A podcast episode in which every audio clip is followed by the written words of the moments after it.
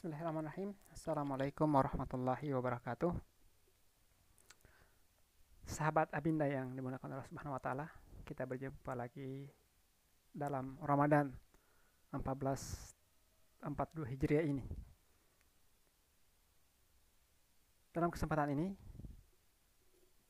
kita patut untuk bersyukur kepada Allah Subhanahu wa taala. Alhamdulillah kita bisa bertemu kembali dengan Ramadan bulan yang penuh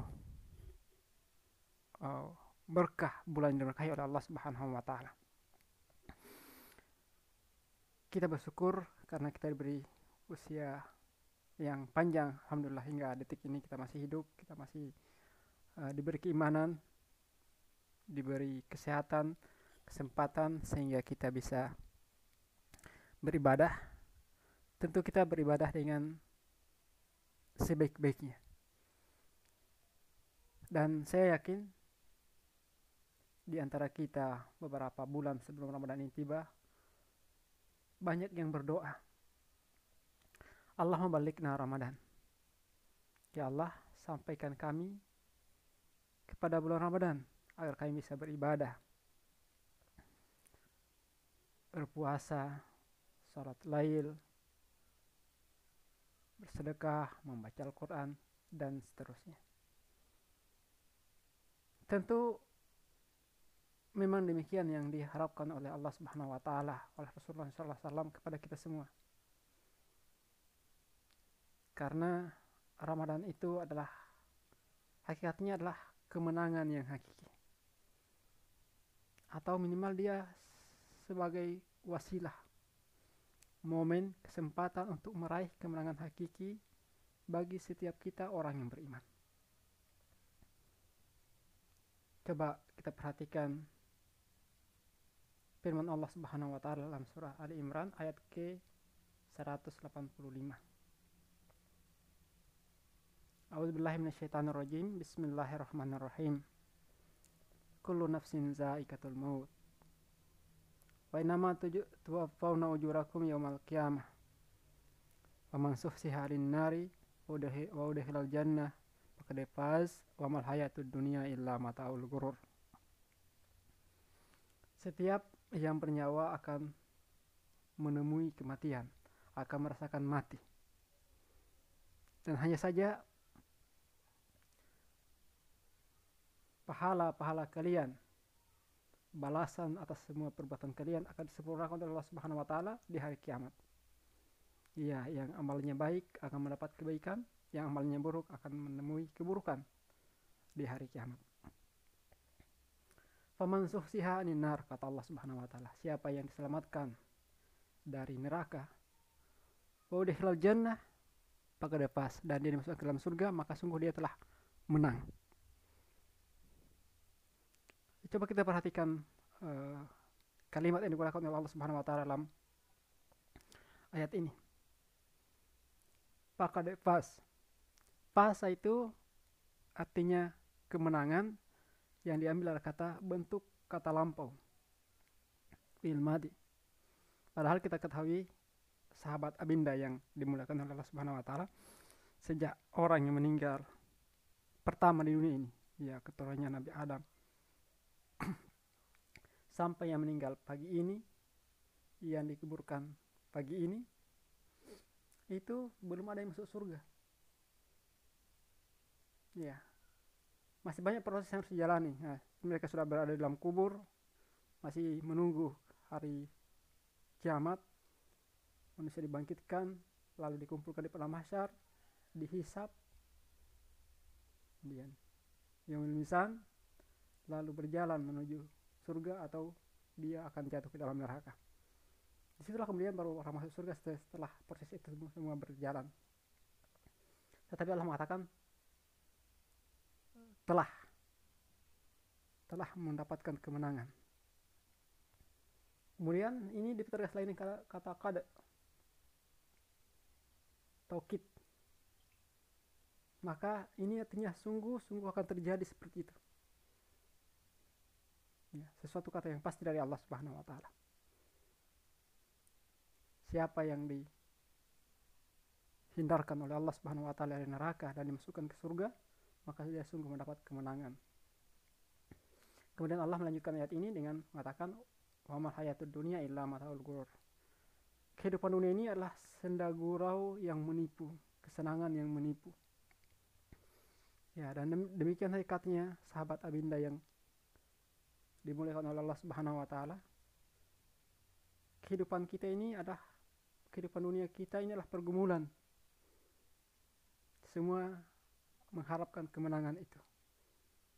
Dan siapa yang pemenangnya adalah mereka-mereka yang diputuskan oleh Allah Subhanahu wa taala sebagai orang yang selamat dari neraka dan dimasukkan ke surganya. Nah, bulan Ramadan ini sebagai mana yang kita katakan tadi merupakan wasilah, sarana, momen, kesempatan untuk mendapatkan kemenangan itu. Sebagaimana sabda Rasulullah SAW. Walillahi utaka'u minan nar wa dhalika fi kulli laylatin.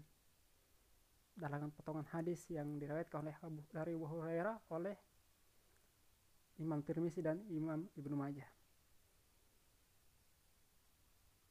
ada orang yang diselamatkan oleh Allah Subhanahu wa taala dari api neraka. Dan itu pada setiap malamnya di bulan Ramadan. Sahabat Abinda, saya katakan tadi bahwa Ramadan ini merupakan wasilah, momen, kesempatan untuk orang mendapatkan kemenangan hakiki. Karena berlandaskan hadis ini. Sejak malam pertama, tadi malam besok malam dan seterusnya sehingga hingga Ramadan ini berakhir banyak hamba Allah yang diselamatkan oleh Allah Subhanahu wa taala dicatat oleh Allah Subhanahu wa taala sebagai orang yang dibebaskan dari api neraka meskipun mereka masih hidup. oleh karena itu ya ini kesempatan yang langka, kesempatan yang mahal.